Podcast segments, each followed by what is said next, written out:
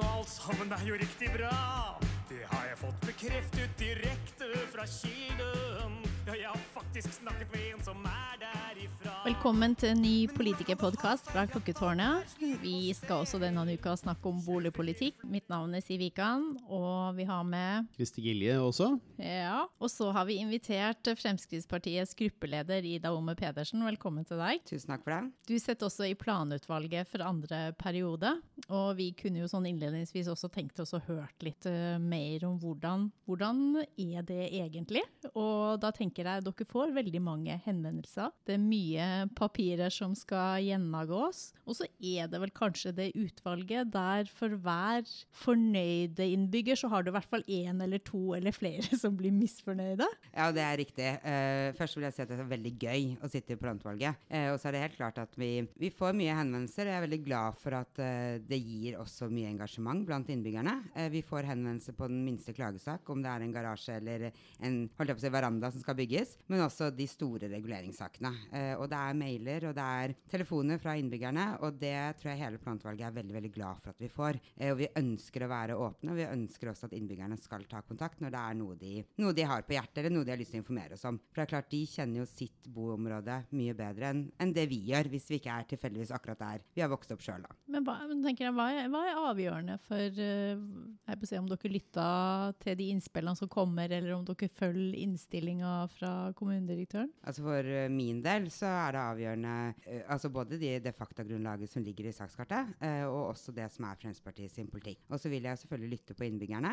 og er det i tråd med Fremskrittspartiet sin politikk, så, så, er jo det gode innspill. Eller gode innspill er det uansett, men er det i tråd med Fremskrittspartiet sin politikk, så, så, er det noe jeg også kan ta med meg videre.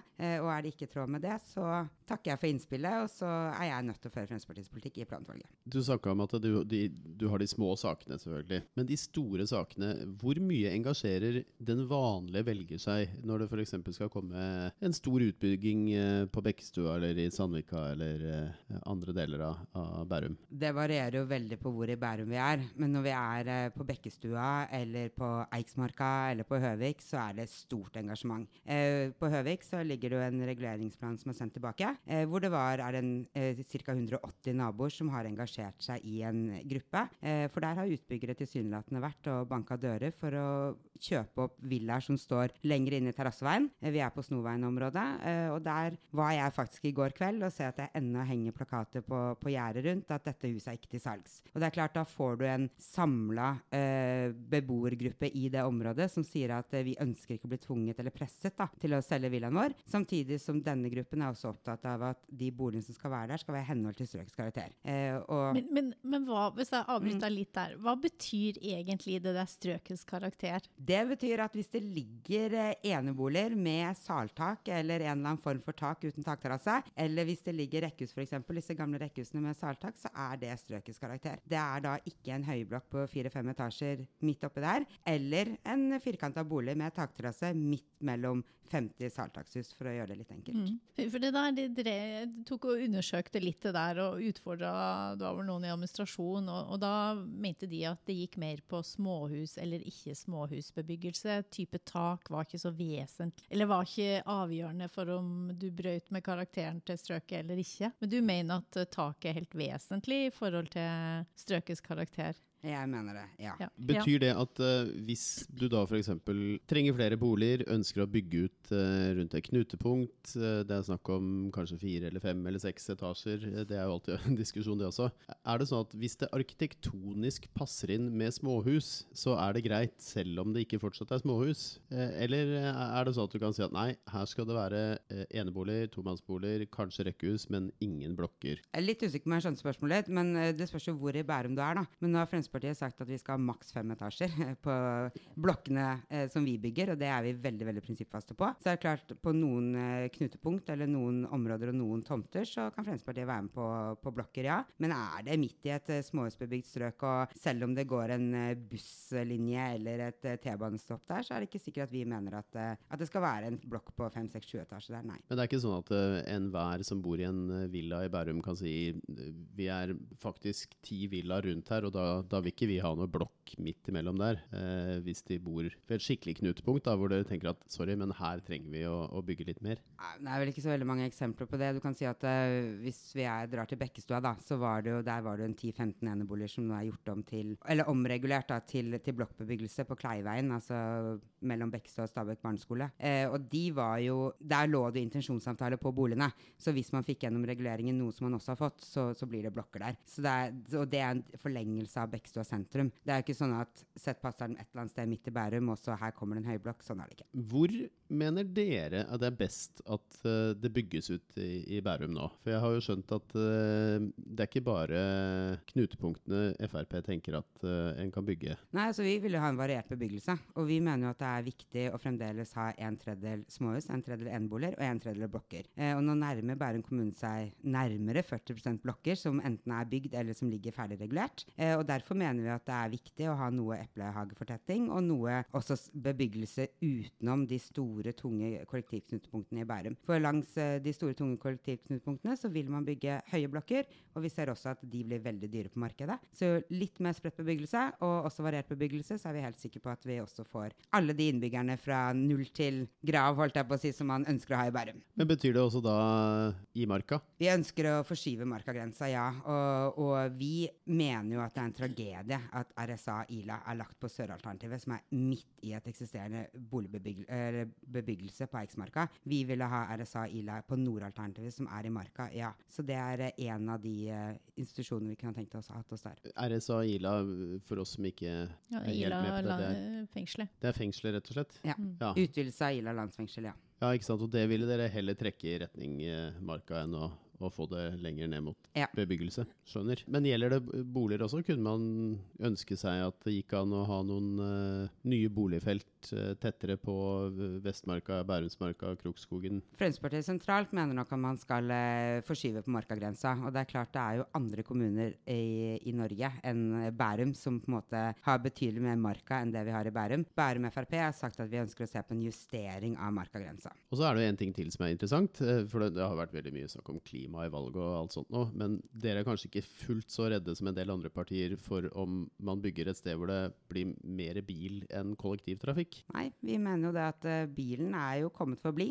Og nå blir det mer og mer elbiler, og dagens regjering har sagt at man også skal ha elbiler i framtiden, og det er det man skal kjøpe. Og det er klart at da, da, vil jo de, altså da vil jo ikke det være noe problem med, med elbiler i framtiden. Og der skal jeg faktisk si at det er Fremskrittspartiet som i Bærum har fått til at eh, alle nye boligprosjekter skal ha ladeuttak for elbiler når vi bygger det. Så det er en del av det å få nok strøm til alle blokkene, og ladeuttak og mulighet for at de som kjøper leiligheter også skal kunne kjøre elbil. Men er det andre konkrete steder i Bærum som har eh, falt utenfor planene fordi det skal være knutepunkt eh, eller av, av andre grunner, som du tenker at eh, søren heller, der skulle vi ha fått opp en del boliger nå? Nå er vi på tur inn i rullering av kommuneplanens arealdel, da, så jeg tror ikke jeg som medlem av planutvalget og gruppeleder skal sitte og forskuttere de tomtene. Men det er klart at eh, en del av vurderingen i den arealplanen er jo ulike tomter. altså Det kommer masse innspill. Og så er spørsmålet om man ønsker å ha det som bolig eller på en annen regulering. Og det er helt sikkert tomter rundt omkring i Bærum som Fremskrittspartiet ønsker at man skal ha bolig på, og som kanskje ikke et flertall ønsker. Mm. Hva tenker dere rundt det her eh, problemstillinga billige, flere billigere boliger? Eller boliger for folk flest, kan jeg si det sånn? Det kan du si. Så kan man snakke om hva er folk, men, eh, men i hvert fall eh, ja, boliger som de med ordinære lønninger kan kjøpe. Ja, og det er jo en utfordring, og det er noe vi snakker om hele tiden. Eh, det er klart at det å bygge seg ut av boligprisene i Bærum, det tror vi er veldig, veldig vanskelig. Eh, Selv med å flytte marka. selv med å flytte marka. eh, og så tenker jeg det at det handler om litt hvor i Bærum du bygger. Eh, og så handler det om hva du bygger. Eh, og nå har vi jo prøvd ganske lenge å bygge store, høye leiligheter på sentrale strøk. Altså du, Bekkestua, Fornebu, det ligger flere reguleringer inne. Og de boligene ser vi jo at får en markedspris som ikke kanskje er for de med ordinære lønninger. Eh, men ved å da tillate boligutbygging andre steder i Bærum, som kanskje har en regulering i dag som, eh, som ikke er på bolig, så vil man også spre boligbebyggelsen. Og det kan være én måte å få variert bebyggelse og noe rimeligere bolig på. Tenker du da næringsareal, eller tenker du landbruksareal? Jeg venta på den. Det fins tomter som har LNF-status, uh, som ikke er dyrkbar mark. Uh, og jeg tenker at vi kan starte med å se på hvorfor de tomtene har LNF-status, og hva som egentlig ligger på den jorda der. sånn. Jeg husker da vi diskuterte Øvrevoll, nei, Øvrevoll, uh, Øverland i forrige kommunestyreperiode, så ble det hevda at dette var kjempefin dyrkbar mark. Alle fagrapportene viste at rett under jorda så er det søppelfylling. Mm. og jeg tror ikke man dyrker veldig mye på søppelfyllinga. Og der mente Fremskrittspartiet at fjern søppelfyllinga, og så kan vi bygge boliger der for det, altså, vi har jo snakka om det her i noen par podkaster tidligere, og så er det jo eh, Og i hvert fall Stuge i Rødt var jo veldig opptatt av det her med demografi og, og miks av befolkning og hvor i Bærum. Det, hva tenker dere er løsninga på det, for hvis man skal ta de arealene? altså Det er jo noen plasser det er større press, og så er det jo selvfølgelig tomteprisen avgjørende. Men hva, hva tenker dere kan være en løsning på akkurat den der med å få en miks uh, av både alder og Det er et vanskelig, vanskelig vanskelig spørsmål, fordi man, eh, man, kan jo ikke på en måte tvinge noen til å kjøpe en bolig der, der det passer oss, for å si det sånn. Vi er opptatt av at det skal du få bestemme sjøl, eh, men det handler igjen om hva man bygger, og hvor man bygger det. Altså det er klart det at når, eh, når man bygger høye blokker på Bekkestua, eh, og man er kanskje på tegninger og litt sånn politikere og på innsalg sier at her kommer barnefamilier, og så svarer Profier til meg i et åpent møte i planutvalget at nei, de som har kjøpt eh, leilighetene tidligere på Bekkestua, de er fra 56 år og oppover. Så tenker jeg at da handler det om hvor man bygger, og hva man bygger. Mm. Vi har jo snakka om akkurat det prosjektet i flere podkaster nå, men det der som vi snakka om at eh, vi gjør vedtak med en intensjon, og så ser vi at når ting blir ferdig, og så, så skjer, skjer, noe annet enn det som var vår intensjon. Og her var det intensjonen at det skulle inn yngre i de mindre leilighetene. Men så ser vi jo at eh, det som skjer, det er jo at de mindre blir slått sammen med den som ligger ved sida, som er større. Og så er det de godt voksne mm. som, som, kjøper de. Hva slags virke Hva, hva tenker Ble du overraska når du så det? Nei. Nei du Nei. tenkte at det var en uh, vi har hevdet det. Altså, jeg er ikke overraska over det. Jeg er ikke overraska over hvordan markedet rører på seg. Det, det har vi jo sett. Eh, man ønsker jo at, å bygge langs kollektivknutepunktene fordi areal- og transportplanen til Oslo og Akershus har sagt at her skal, skal, dere bygge, og grensa går, eller altså aksen går jo langs kollektivknutepunktene. Samtidig, og det er jo fordi man eh, skal bygge nærme der for at de som bor der skal kunne ta T-bane eller buss på jobb. Og så ser vi jo at det er jo ikke de som jobber som kjøper leiligheten, og da er det på en måte en, en feil i resonnementet. Eh, vi har jo foreslått foreslått lenge, eh, og også fått flertall sammen med Høyre på det, eh, på å ha det som vi har kalt omvendt seniorboligpolitikk. Altså I Bærum så har du seniorboligpolitikken hvor du må være 67 eh, år for å kunne kjøpe noen leiligheter som er bygd i Bærum. og vi har da foreslått motsatt, at du skal være maks 35 for å kunne kjøpe en leilighet i Bærum. Eh, så hvis du eh, har noen sånne konsepter hvor du bygger leilighetene, eh, og så har du regulert inn at du skal være maks 35 for å kunne kjøpe, så kan du bo der så lenge du vil, men du må selge til noen som er under 35 år. Da unngår du at eh, pensjonistene som selger villaen sin, kjøper leiligheten. Du unngår å havne i en tøff budrunde mot mm. de som har vært i arbeidslivet lenge. Da snakker vi om klausulerte, som ja. er på en måte med ja, forutsetningen. Ja. For eksempel som mm. du har oppe på Grorudhaugen, hvor mm. det er fra 65 eller 67 år og oppover oppover. 60, ja, 65 var det vel. Ja. Så dette er rett og slett én eh, type regulering for å sikre demografien, og det vil jo også føre til at de eh, leilighetene kanskje blir eh, for litt lavere pris da, enn eh, full kommersielt full mm. kommersiell markedspris. Ja, og det er jo et virkemiddel vi ikke har brukt for de yngre, som Ida er inne på. Vi har gjort det på seniorboliger. For, for, da er det jo en del tjenester i tillegg som de er litt opptatt av. da. Men det er jo absolutt interessant å se på det for den yngre generasjonen. Men så var det noen sånne dilemmaer som dukka opp da. Ja, men når du blir da runda 45 og fortsatt bor der Men det er jo ikke det det handla om. Det handla jo om i forhold til andre Altså holde prisen litt nede i forhold til Vi har jo sagt at du skal bo der så Ja. lenge du vil, og Mm. om du både har mann og barn og hund der, så, så er det opp Mm. til deg. Men eh, det er når du selger, at Mm. man da selger til noen som er kanskje ikke så kjøpesterke som det en pensjonist som selger en villa er, da. Nei, og så er vi, unngår vi kanskje også den der eh,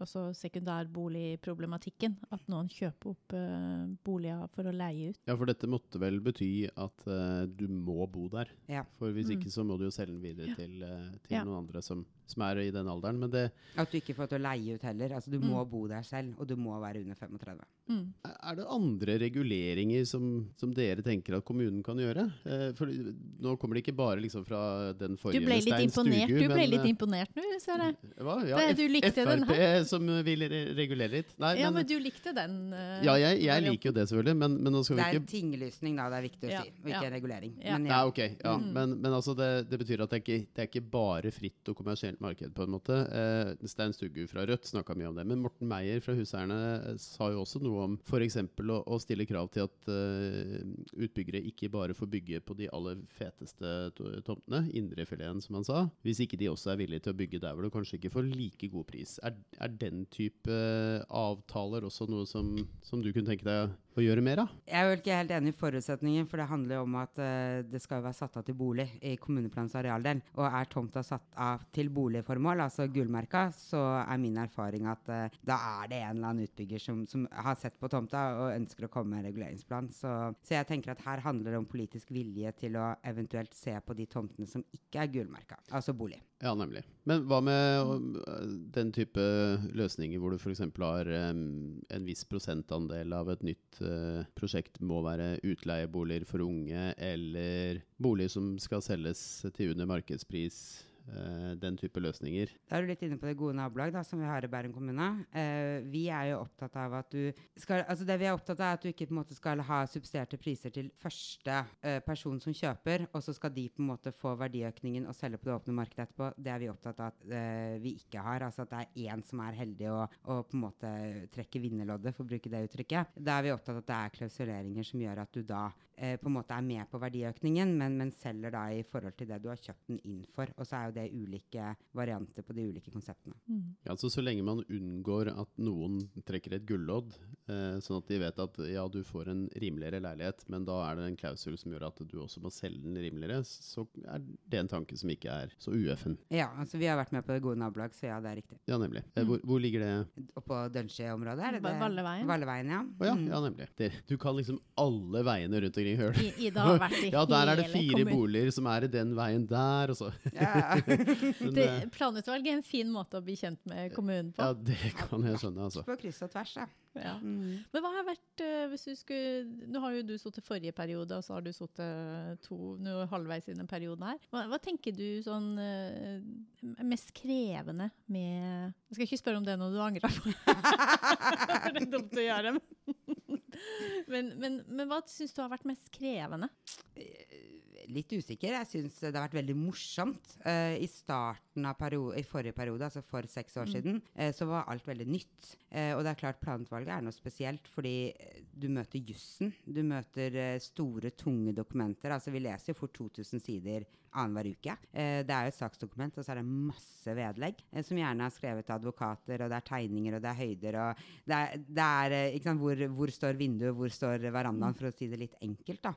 Så jeg syns det har vært nytt og spennende, eh, og kanskje i starten sånn sett, jeg vil ikke si krevende, men, men det var mye å lære. Mm. Uh, ja. Det var en bratt, uh, bratt kurve. Det er noe helt annet enn de andre utvalgene i Bærum, Ja. det er det. Men jeg tenker, en ting er de store utbyggerne som har uh, sine spesialister på de ulike områdene, men så tenker jeg vi har jo mange innbyggere òg, som har sånne enkeltsaker og kanskje ikke de ressursene til å gjøre de lokale endringene, det være seg et tilbygg eller en avkjørsel eller en veranda eller et eller annet. Det jeg er opptatt av, er at vi behandler alle likt. Og jeg syns jo kanskje at eh, de klagesakene er vel så spennende, for da møter du enkeltindividene, du møter familien, du møter ja, deres ønsker og drømmer, da. Eh, og av og til så, så Eller ikke, ikke, bare av og til, ofte så gir jeg dispensasjonen de ber om, og så går jeg i veldig stort mindretall. I dette perioden så er det vel jeg aleine mot resten av planutvalget. Eh, og da er det jo av og til hvor jeg tenker at eh, åh,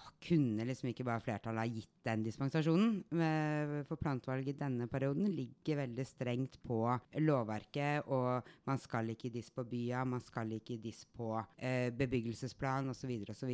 Mens jeg ser litt mer eh, gjennom det og tenker at ok, er rekkehuset fra 1964 og trenger et lite påbygg, så, så gir jeg den dispensasjonen. Og det er jo også noe med, da, det møter vi ofte, at uh, de har fått, familien har fått barn nummer tre, og så vil de ha uh, soverom til det siste barnet. Og så kan du si Det er ikke noe på en måte menneskerett å ha et soverom til, til, hvert barn, men så er det gjerne sånn at mange ønsker det. Uh, og ofte så er det disse dispensasjonene eller dreier seg da om, om dette siste soverommet.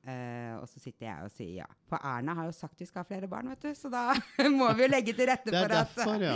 man kan men, få men det. Er, det der er litt interessant, fordi fordi det som jo ofte skjer, er at folk må kjøpe seg opp igjen og igjen og igjen. Mm. Så at de starter liksom med å være kanskje én, og så blir de to. Og så får de barn, og så får de flere barn. Og det gjør jo også noe med boligmarkedet og den situasjonen for folk at de stadig må sette seg mer i gjeld. da. For det vil jo sannsynligvis kunne være bedre for familien både økonomisk og fordi de slipper å flytte, hvis de får lage et ekstra soverom. Er, jeg vet ikke om det er SV-politikk eh, akkurat, og om det er det du møter i planutvalget der, men, men det, det, er en tanke, det også. At, um jeg kan si at du og jeg er helt enige, men også er jeg ganske aleine i planutvalget, så da kan du gjøre regnestykket selv. Ja, men Vi har nok litt forskjellig inngang på det, men, men, men, eh, men SV seriøst, har vel da, kan, eh, man, her på sin stemme i planutvalget? Jo da. Så, De har det. Og, og på den andre sida, jeg har jo bodd i sånn rekkehusområde sjøl, og jeg skjønner jo at hvis alle hadde fått fått lov til å bygge litt sånn og litt sånn ut fra egne tanker, så plutselig så hadde det området blitt ganske rotete, og kanskje det hadde blitt litt urettferdig fordi noen fikk til noe som andre ikke fikk til. Men, eh, men det er en tanke, det der å, å, liksom bli boende i en bolig. Det har vi vært innom flere mm. ganger. At uh, jo lenger du kan bo ett sted, jo mindre trenger du å ta opp enda et lån. Og det roer jo markedet litt òg. Og så er det jo noe med nærmiljøet hvis du har barn som har etablert seg og går på skole og venner osv. Så, videre. så det er jo ikke bare, bare å bryte opp Eh, heller alltid. Selv om uh, noen gang så må man jo det òg. Ja, det, det, er en viktig tanke. Altså. Men jeg har ikke blitt helt uh, liberalist, altså. Nei, du er ikke det.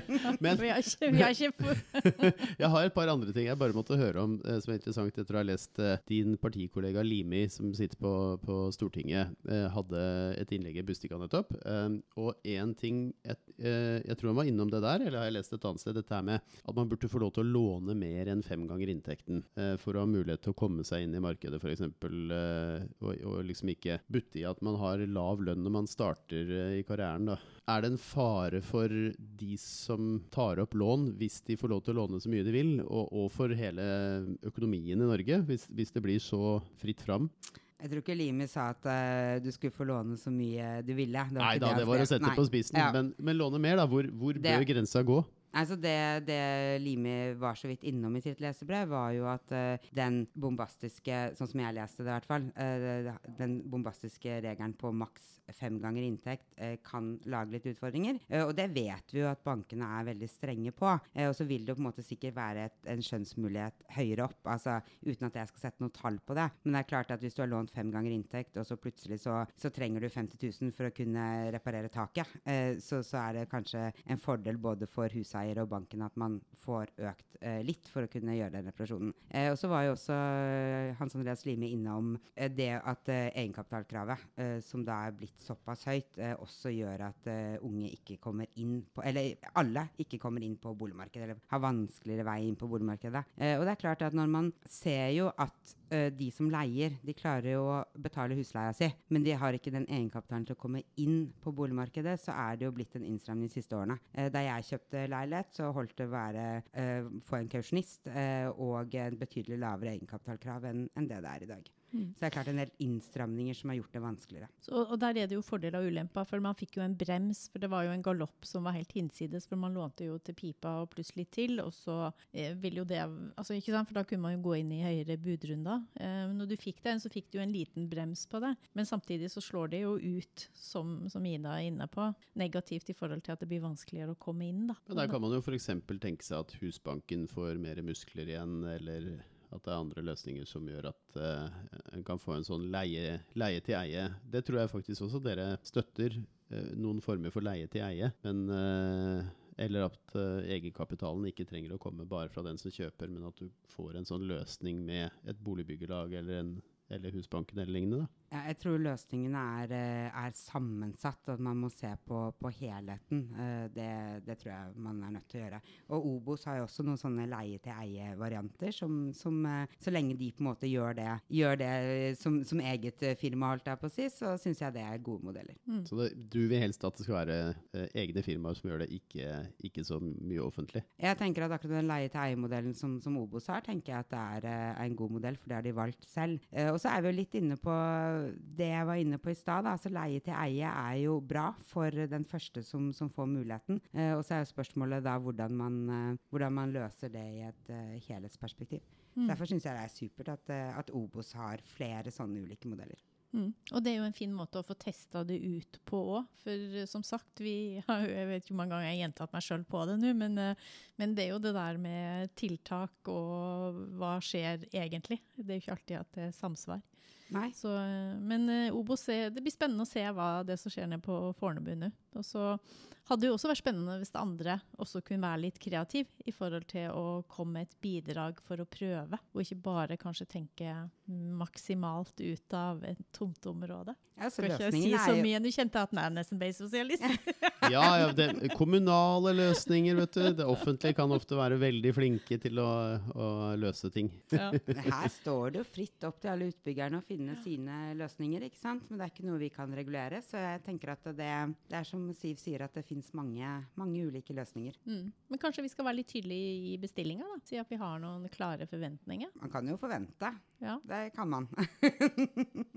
Det er vel lov å sette noen skranker for eh, utbyggerne, er det ikke det? Skranker. Ja, altså for liksom hva, hva de får lov til. At Ja, ikke sånn, bare ja. si sånn Ja, nei, ok, nå kan dere få bygge her, bare kjør på. Det, Mm. Men dette har vi jo vært gjennom at det Kan jo regulere høyder og antall så, altså hvor store leiligheten skal være. Sånn, det kan du gjøre. Jeg ville regulert litt mer, men det kommer vi ikke til å bli enige om. Men du, det, det var én ting til som sto i det Limi-innlegget, og det, det var helt på slutten. Så skrev han noe om verdiskaping. Og det kunne virke som han mente at uh, det er ikke så bra hvis, uh, hvis alle nordmenn, uh, i hermetegn, da, bruker, setter pengene i bolig.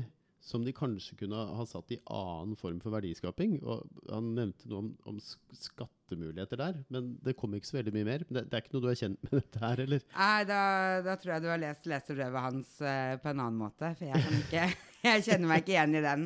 Eh, det gjør jeg ikke. Nei, nemlig. Nei, men eh, for det, det er en sånn kjepphest eh, for meg personlig at jeg tenker at det, det er litt synd at boligprisene øker så mye at folk som har litt til overs, heller kjøper bolig, og kanskje sekundærbolig, for da er det en sikker investering, istedenfor å ja, gründe noe eller på annet vis skape noen arbeidsplasser, hvis de først har verdier. da. Så jeg lurte på om det kanskje kunne være noe enighet der, men Jeg tror vel noe av det Hans Andreas Limi også var innom, var eh, at vi er jo for lavere skatter og avgifter generelt. Og altså, du har den inntekten du har i husstanden, og jo mer du må bruke på ulike ting i hverdagen, for å si det på den måten, jo, jo mindre penger har du når måneden er slutt. Så jeg tror det var et sånt resonnement han, eh, han var inne på. Vi får, vi får ta den store debatten rundt det seinere. Vi er sikkert ikke helt enige, men det, det så liksom ut som det var eh, på gang mot Jeg tenker at eh, Hans Andreas kommer helt sikkert, så du, jeg kan eh, videreformidle kontaktinfoen. Det er interessant vi å sjekke. ja. men, eh, men jeg tenker vi, vi har snakket litt om ulike utfordringer og dilemmaer i, i dagens eh, boligpolitikk. Hva, hva tenker du, ref din rolle både som gruppeleder i Frp og planutvalget? Hva, hva hadde vært ditt ønskescenario i forhold til hvis du skulle ha fått valgt på øverste hylle og få gjennomslag for noe? Hva hadde det vært, da? Altså, tenker du innenfor eh, arealpolitikk i Bærum? Ja, og bolig og ja, det Ja, da vil jeg mye mer småhusbebyggelse enn det vi har i dag. Hvor da? På mange tomter. Jeg har foreslått det på Kleiveien, og der sier flertallet høyblokker. Jeg har foreslått det på Eiksmarka. Der sa flertallet noe småhus, men det blei en blokk allikevel. Jeg har foreslått det på Fornebu. Eh, der sier flertallet massive blokker, og vi vil ha småhusbebyggelse i kombinasjon med noen leiligheter. Jeg kommer til å foreslå det bort på, på Hamang her i Sandvika, så vi skal foreslå det helt til vi får gjennomslag. Og jeg foreslåtte på Snoveien i, um, på Høvik. Der sa flertallet at de skulle ha blokker. Så som jeg har sagt i planutvalget, at uh, jo mer blokker dere regulerer, jo flere forslag får dere på småhus og Tovnås. Så skal det sies at jeg har fått Tovnås på Bekkestua Sørtomta. Der starta jeg å mase om det, og sakte, men sikkert så fikk jeg flertall, og det er jeg veldig, veldig glad for. Men får vi flere billigere boliger da? Billigere boliger? Ja. Nei, men du får uh, Du beholder de som er i 30-40-årene uh, i Du Bærum kommune. barne, barnefamilie? Jeg tenker barnefamiliene. Mm. Eh, og de, mange barnefamilier er ute etter den lille hageflekken hvor barnevogna kan stå, stå mens barnet sover, eller trampolina stå. Eh, det vi ser, er at mange av de, hvis de ikke finner bolig i Bærum, altså en, en med en hageflekk, så flytter de ut av Bærum. Og jeg tror det er viktig å også legge til rette for at eh, de i den midtsjiktet der blir i, i Bærum kommune. Og så er det ikke alle barnefamilier som er ute etter hagen, men mange er det. Men eh, vi får ta med den videre. Og så har, har du en fun fact. Ja, det, Til og, slutt det, til og det var en sånn veldig fin overgang i forhold til det jeg skal spørre om. Ah, Så jeg tenker yes, er her kommer Ja. Det er spør Hvor mange boliger har vi i Bærum? Ca. 50 000. Da snakker vi om SSB-tallene fra 2021. jeg tør ikke å prøve å konkurrere med Nei. Vi har vel kanskje passert 50, men skal jeg tippe 1 eller 52 000 Nei, 35. boliger. Mm. Vi har eh, 15 771 eneboliger, og så har vi 19 704 leiligheter. Jo, men småhusbebyggelsen ligger ikke der. Det var det vi diskuterte i planutvalget. Den ligger i eneboliger. Jo, alle det her er alt totalt boliger. Vet du hva? Akkurat de tallene de diskuterte planutvalget for 14 dager Ja. siden, og jeg tror vi får svaret i planutvalgets møte. Så SSB da- har ikke tatt De må jo ha det når det står eneboliger. Ja, Nå er? Ida veldig samme- sikker på at dette ikke litt kan stemme. Det ble nesten er usikker. Men vi hadde samme diskusjon i planutvalget for 14 dager siden. Ja. Ja, yes. Men eh, i hvert fall, SSB sier at Men eh, vet du for Norge, da? Da er det jo samme Nei. De må jo ta Da har vi vel 2,5 millioner 2,6 millioner boliger i Norge. Det betyr at vi er 2,29 personer per husholdning. 2,9? 2,29. 2,29, ja. Ja. Men, men vi, er I. Norge eller Bærum? Nor da er vi i Norge. vi får ta og finne det, Det er riktige første gang vi må ha en sjekk på Da får vi ta det i neste runde. Så får vi ta en avsjekk på hva, hva, hva var svaret. Men i hvert fall, uh, statistikken sier så. Hm. Så får vi finne ut hva som ligger i den. Uh, men tusen hjertelig takk til deg, Ida. Veldig hyggelig at du uh, tok deg tid til å komme hit. Eh, så gjenstår det å takke for oss. Og neste uke så har vi jo runde valg på mandag. Så får vi oppmuntre alle til å stemme, de som ikke hadde gjort det. Eh, og så får vi vel ta en liten sånn valgepisode. Ja, det kan bli veldig spennende. Ja. Eh, men eh, vi får ikke drive valgkamp her og nå. Vi får Nei. heller si godt valg. Som jeg har sitt- sagt mye på stand i det siste. Til både de som smiler, og de som ikke smiler når man eh, står med SV-trøye Ja, på så, du, stand. så du får de som ikke smiler? Det, det hender at det er noen av dem også, ja. Ja. De bare smiler til meg. Ja, jeg ser vel. bare glade folk. Godt valg. Godt valg. Godt valg. Ha det bra. Ha det bra.